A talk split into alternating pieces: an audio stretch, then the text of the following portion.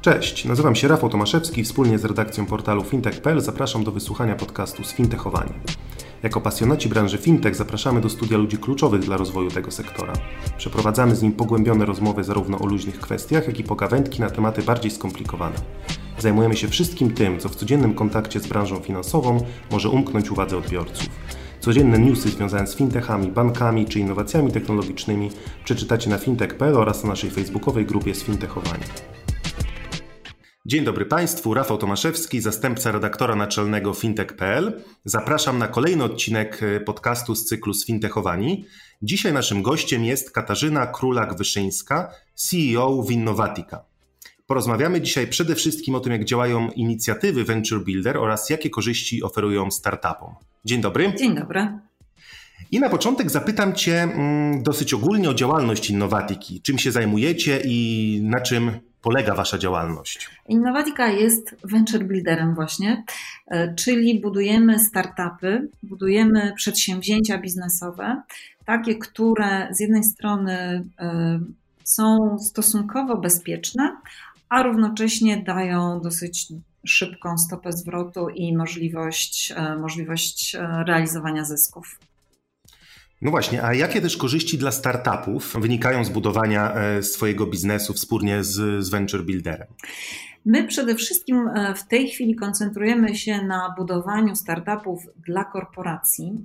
To znaczy, że korporacja, która mm, chce wejść na nowy rynek, albo chce lepiej wykorzystywać swoje zasoby, albo, czyli w nowy sposób, z nowymi źródłami przychodów, albo mm, ma strategicznie jakieś obszary, które są szczególnie dla niej ważne, e, szuka rozwiązań, które, mm, które będą pozwalały zrealizować te właśnie cele, e, może robić to za pomocą budowania, budowania takiego przedsięwzięcia, które nazywamy venturem, czy które nazywamy startupem. I wtedy my stawiamy zespół ludzi, którzy są bardzo, bardzo uważnie dobrani do danego wyzwania. Bardzo ważne jest też, żeby ten zespół był wzmocniony przez przedstawiciela korporacji, e, który z jednej strony ma dostęp do bardzo, bardzo zawsze cennych zasobów, e, które są po stronie korporacji. Zaraz mogę dać kilka przykładów. E, ale równocześnie on czy ona mają bardzo dobre rozpoznanie branży, rynku i to jest też niezwykle, niezwykle wartościowa wartościowa wiedza. W związku z czym taki zespół, który składa się zwykle z trzech, czterech osób, e, rozpoczyna pracę nad, e, nad najpierw dopracowaniem koncepcji, sprawdzeniem, czy, e, czy dobrze mamy rozpoznany problem, który chcemy zaadresować, e, stworzeniem tej koncepcji, e, przetestowaniem jej, wprowadzeniem na rynek pierwszej, pierwszej wersji prototypowej, czy, czy tak zwanego MVP, czyli minimalnej wersji produktu, nazwijmy to, która już daje wartość, ale, ale jeszcze nie wymaga wielkich inwestycji. I w momencie, kiedy mamy potwierdzony model biznesowy, kiedy wiemy, że warto przejść do skalowania mm, przedsięwzięcia e, i tworzenia takiego prawdziwego już produkcyjnego, produkcyjnego rozwiązania i tworzenia tak zwanego e, MDP, czyli Minimum Delightful product, e, no to wtedy stawiamy, stawiamy e, takie przedsięwzięcie już, e, już pod własną taką marką i tożsamością. I to nie jest wtedy zespół, który jest tak bardzo mocno zrośnięty z venture builderem, tylko to jest zespół, który po prostu już działa samodzielnie, a venture builder czuwa i, i, wspiera i pomaga w rozwijaniu, ale to jest jednak już całkowicie odrębne, odrębne przedsięwzięcie, przedsięwzięcie biznesowe, które ma swoją tożsamość i, e, i, i, ma swoje po prostu bardzo, bardzo silne cele, które musi zrealizować. E, zapytałeś, Rafał, jakie są korzyści z tego dla startupu? Myślę, że tutaj korzyści mo może być bardzo wiele. Aha, może jeszcze powinnam powiedzieć, że y, pracujemy nie tylko z korporacjami, chociaż bardzo lubimy y, pracować z korporacjami, bo Innowatika wywodzi się z właściwie z firmy doradczej, która właśnie w świecie korporacyjnym y, wprowadziła trochę trochę nowych rozwiązań i trochę światłej, światłej myśli być może tam zasadziliśmy. E, więc dlatego korporacje są dla nas takim naturalnym środowiskiem e, jako, jako inwestorzy, nazwijmy to. Ale mamy też e, przedsięwzięcia, przedsięwzięcia startupowe, które tworzymy dla prywatnych inwestorów, czyli dla osób, które mają pewną myśl, co chciałyby osiągnąć, mają trochę kapitału, e, ale nie mają swoich zasobów do tego, żeby tę te, te, myśl przerodzić w konkretny rezultat. E, I w taki sposób również, również współpracujemy i, i pomagamy przedsiębiorcom e, a również pomagamy startupom, które już istnieją i już mają swoich klientów, już mają swój rynek i na przykład chcą zbudować nowy produkt.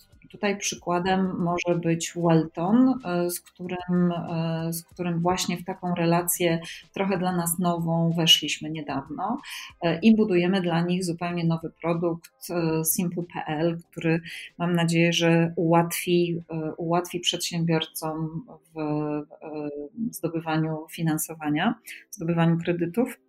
Więc bardzo, bardzo szerokie tak naprawdę spektrum e, naszych relacji z rynkiem czy, czy z różnymi, e, różnymi rodzajami inwestorów uprawiamy, że tak powiem. Natomiast korzyści, takie główne korzyści, myślę, które daje Venture Builder, są, polegają na tym, że ja ja bym wymieniła cztery. Te główne korzyści polegają na tym, że po pierwsze, Venture Builder działa według pewnego powtarzalnego procesu, który jest wielokrotnie sprawdzony. E, I za każdym razem, kiedy budujemy nowe przedsięwzięcie, ten proces jest podkręcany i doskonalony, i ten proces po prostu zapewnia sukces. E, drugi powód, e, dla którego venture buildery są atrakcyjnym, atrakcyjnym sposobem na budowanie startupów, jest fakt, że zespół e, współzałożycielski jest tak naprawdę zespołem instytucjonalnym, czyli że jest gwarancja tego, że mm, to, co robimy, jest e, jakby stabilne. Tak? I, I ten zespół, nawet jeżeli czasami mogłoby się zdarzyć, że e, jest potrzeba dokonania jakiejś zmiany albo komuś coś w życiu y, inaczej zaczyna układać i musi podjąć jakieś decyzje y, o, o, o rozstaniu się, to Venture Builder gwarantuje, że ten projekt się nie rozsypie z tego powodu. Czyli, że zawsze zapewniona jest taka, y, taka ciągłość, ciągłość prac, no i kompetencje, które są adekwatne do cyklu życia startupu, co też jest niesamowicie, niesamowicie ważne, bo bardzo rzadko ludzie są w 100% uniwersalni. I na różnych etapach e, cyklu życia startupu potrzebni są ludzie z różnymi kompetencjami. I Venture Builder to gwarantuje, że te osoby z najbardziej adekwatnymi kompetencjami znajdują się w tym momencie, w którym są potrzebni. I to jest też e, związane z taką elastycznością w ogóle w skalowaniu zasobów.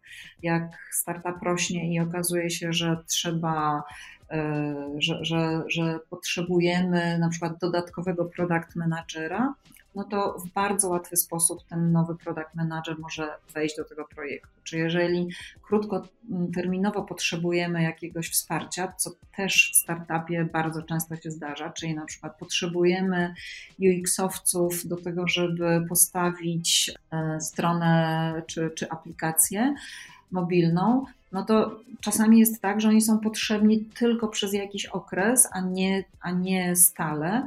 E, I dzięki temu, e, że Venture Builder takie zasoby posiada, to startup może mieć dostęp do wysokiej jakości ekspertów, ale tylko wtedy, kiedy naprawdę tego potrzebuje. Czyli jest bardzo tutaj efekt, duża efektywność, można powiedzieć, kosztowa również. Trzeci powód, dla którego uważam, że venture buildery mają sens i, i robią dobrą robotę, związany jest e, z tym, że mamy dostęp do hubu ekspertów, e, którzy, którzy mają bardzo specyficzne kompetencje, których właśnie można zapraszać wtedy, kiedy, kiedy to jest najbardziej wartościowe dla projektu i pozwala to naprawdę na szybkie rozwijanie biznesu. I czwarty powód e, decydujący o sukcesie e, venture builderów to e, dostępność doświadczonych superwizorów, czy być może można by powiedzieć mentorów, którzy są właściwie na zamówienie. To znaczy, w każdej chwili, kiedy, kiedy w startupie jest taka potrzeba, to można skorzystać, zespół może skorzystać z doświadczenia wiedzy i relacji tych osób. E, mamy siedem takich obszarów, w których, e, w których e, wspieramy, wspieramy mm, startupy i one są absolutnie kluczowe dla, dla każdego biznesu, który ma szybko rosnąć, takie strategiczne obszary.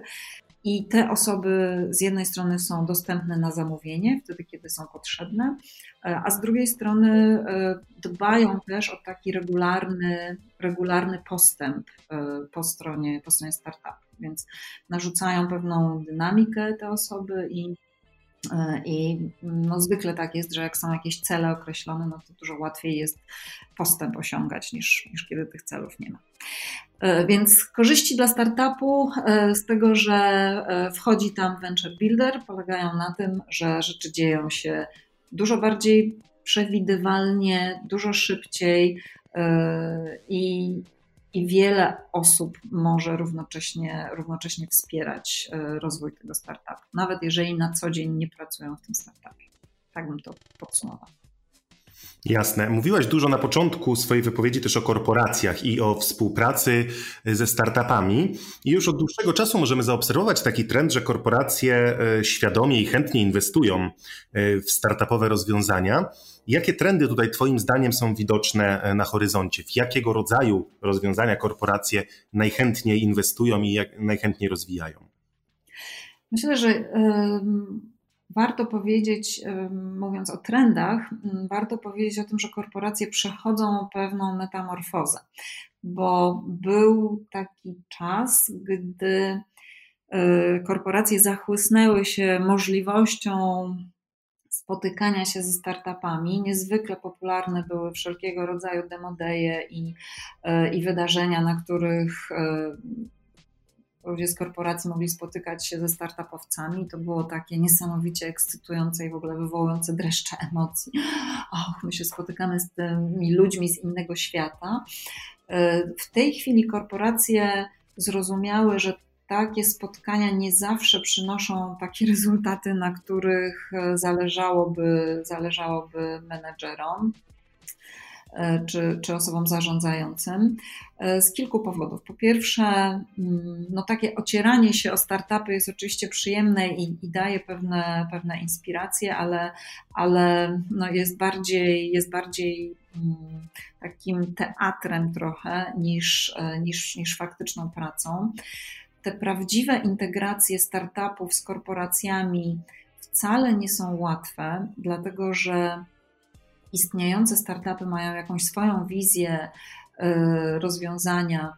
E, I oczywiście wtedy, kiedy to rozwiązanie jest idealnie dopasowane do problemu czy potrzeby korporacji, no to, no to wspaniale. Wtedy korporacja staje się klientem takiego startupu i, i może się stać takim bardzo, bardzo ważnym partnerem, e, partnerem startupu, ale jeżeli korporacje szukają wśród startupów istniejących rozwiązania, które da się jakby zintegrować z ich systemami, to często pojawiają się naprawdę bardzo duże bariery i przeszkody, bo oczywiście te światy są zupełnie różne w zupełnie różnej dynamice działają. Dla korporacji negocjowanie umowy przez pół roku to jest standard, a dla startupu wiadomo, że to może być po prostu zabójczy okres, po którym już nie mają za co żyć.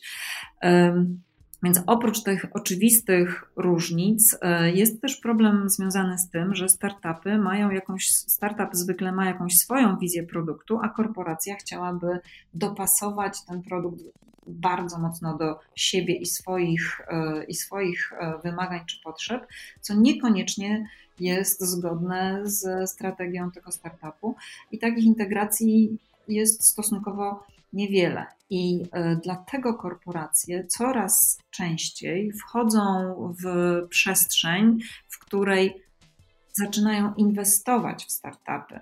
Zaczynają inwestować w rozwiązania, które są idealnie dopasowane do tego, co jest im faktycznie potrzebne.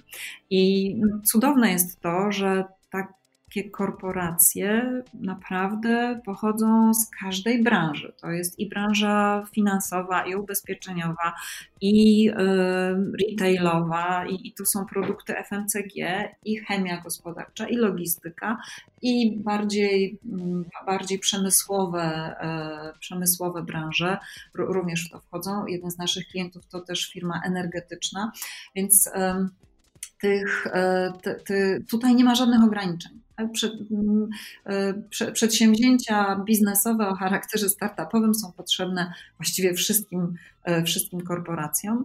E, no i jest sporo przykładów takich, takich startupów, które świetnie sobie, świetnie sobie poradziły właśnie dzięki temu, że były budowane przez venture buildery, i które były również budowane we współpracy z korporacjami. Więc wydaje się, że to daje bardzo dobre, bardzo dobre rezultaty i, i łączy, łączy właśnie tą możliwość e, działania w sposób dynamiczny i dużo bardziej e, dużo bardziej e, zwinny niż standardowo korporacja, z pragnieniem osiągania, osiągania konkretnych celów biznesowych. No właśnie, to może teraz zatrzymajmy się na chwilę przy tych najciekawszych projektach, startupach, fintechach, insurtechach zbudowanych przez korporacje w ramach venture builderów. Jakbyś mogła tutaj wymienić jakieś przykłady takich najciekawszych spółek? Jest ich, jest ich, naprawdę, jest ich naprawdę sporo. Od, od przykładów takich, w których pojedyncza, pojedyncza organizacja finansuje mm, takie rozwiązania do takich, w których kilka korporacji równocześnie włącza się, czy, czy, czy współ, współfinansują, czy współkorzystają e, z e, danego rozwiązania. E, to znowu bywa na różnych rynkach i na, i na rynku, i, i w Europie, i w Stanach, i w różnych branżach, ale koncentrując się na tych fintechowych i insurtechowych rozwiązaniach, myślę, że ciekawe, ciekawe rozwiązanie już mające parę ładnych lat z 2015 roku z Norwegii, stworzone przez e, bank DNB, które, e, które pozwala, pozwala robić szybkie, szybkie płatności mm, przez telefon. Dzisiaj wydaje się, że to jest takie dosyć, e, dosyć oczywiste, już nas to za bardzo nie, nie dziwi, ale, ale tych pięć lat temu to było coś wyjątkowego i bardzo ciekawe, że VIPS, bo to nazwa tej firmy, e, naprawdę w Norwegii stała się bardzo powiedziałabym, zaborcza e, i, e, i właściwie, właściwie w tej chwili można powiedzieć, że jest alternatywą dla, dla w ogóle kart e, kredytowych czy kart, kart płatniczych. Inny ciekawy przykład takiego rozwiązania, z którego korzysta wiele organizacji i to zarówno bankowych, jak i ubezpieczeniowych, ale nie tylko, to jest to jest rozwiązanie ZOI, e, z którego korzysta i 3M, i T-Mobile, ale również MetLife e, czy, czy BNP Paribas e, Cardiff. I to jest usługa, która pomaga firmom w ocenie ryzyka klienta, podczas gdy ubiega się o kredyt, o kredyt online. I ona bardzo, bardzo szczegółowo monitoruje zachowania potencjalnych kredytobiorców e, online i na tej podstawie e, jest w stanie, jest w stanie poprzez oczywiście zastosowanie sztucznej inteligencji określać, określać ten poziom ryzyka, czy jakby dawać scoring kredytowy kredytobiorcy. Inny bardzo ciekawy, ciekawy produkt polega na tym, że Ubezpieczeni są e, użytkownicy rowerów, i ten system LAKA wykorzystuje system płatności zbiorczych. To znaczy, konsumenci nie dokonują płatności z góry, ale zamiast tego te miesięczne roszczenia są rozliczane w ramach takiej puli ryzyka grupowego.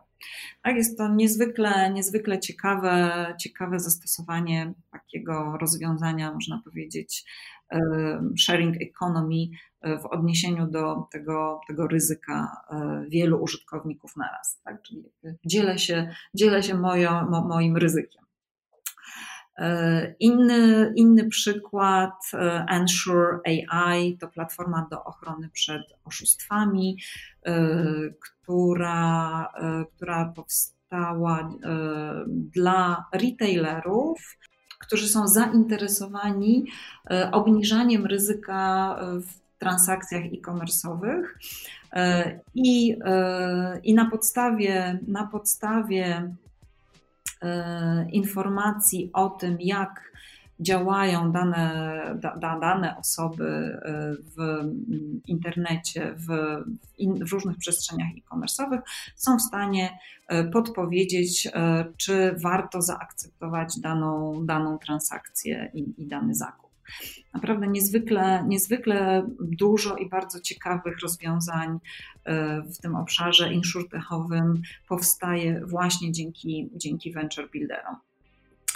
E, a w rozwiązaniach fintechowych oczywiście też, też, jest ich, e, też jest ich mnóstwo i też venture buildery miały swój udział e, w takich rozwiązaniach, które być może kilka osób też zna, jak Azimo, który pozwala robić przelewy międzynarodowe, czy, mm, czy jak rozwiązanie, które nazywa się Wealth Front, E, które pozwala za, zarządzać, e, zarządzać majątkiem e, w sposób taki bardzo lekki, nazwijmy to i prosty, i, i dający możliwość personalizacji oczywiście.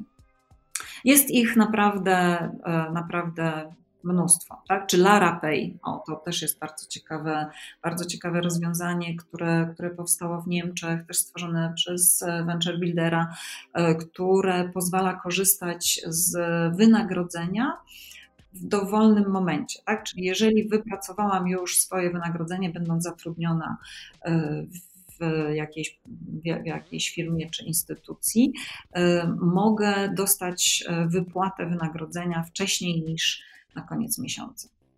Tak, faktycznie tutaj dużo tych, e, tych przykładów, e, o których wspomniałaś. I tak już na koniec, zmierzając e, do końca naszej rozmowy, zapytam Cię o Wasze plany na przyszłość. Jakie plany na najbliższe miesiące ma Innovatica? Co chcecie, co chcecie osiągnąć i jakie cele sobie stawiacie? Mamy ambitne plany. Na pewno chcemy, chcemy mm, wprowadzić trochę więcej zamieszania na rynku polskim, jeśli chodzi o budowanie startupów dla korporacji, ale również chcemy y, być super venture builderem, który, który działa nie tylko w Polsce, więc mm, wychodzimy również, e, również za granicę. E, I przede wszystkim oczywiście chcemy pracować e, dla korporacji, ale też dla, dla funduszy i wraz z funduszami. No, mam nadzieję również, że startup, który, który wspieramy, czyli Welton i produkt, który budujemy Simple.pl, będzie miał, będzie miał swoją swój rozkwit w tym roku, e, bo jest czas na to, żeby, żeby kredytowe e, rozwiązania e, się, się nieźle rozwijały, więc, więc no, obiecujemy sobie bardzo dużo. I chcielibyśmy, żeby ta świadomość tego, że budowanie, budowanie nowych przedsięwzięć biznesowych może być e, stosunkowo mało ryzykowne, a, a zyskowne, żeby ta świadomość rosła i będziemy starali się na pewno e, w tą stronę, w tą stronę rozwijać i nasze działania i, i pomagać naszym klientom też, też cieszyć się z tego. I myślę, że to dobry moment, żeby postawić kropkę. Gościem podcastu fintech.pl była Katarzyna Królak-Wyszyńska, CEO Winnowatika. Dziękuję bardzo. Dziękuję również. Ja nazywam się Rafał Tomaszewski i zapraszam na kolejną audycję już wkrótce.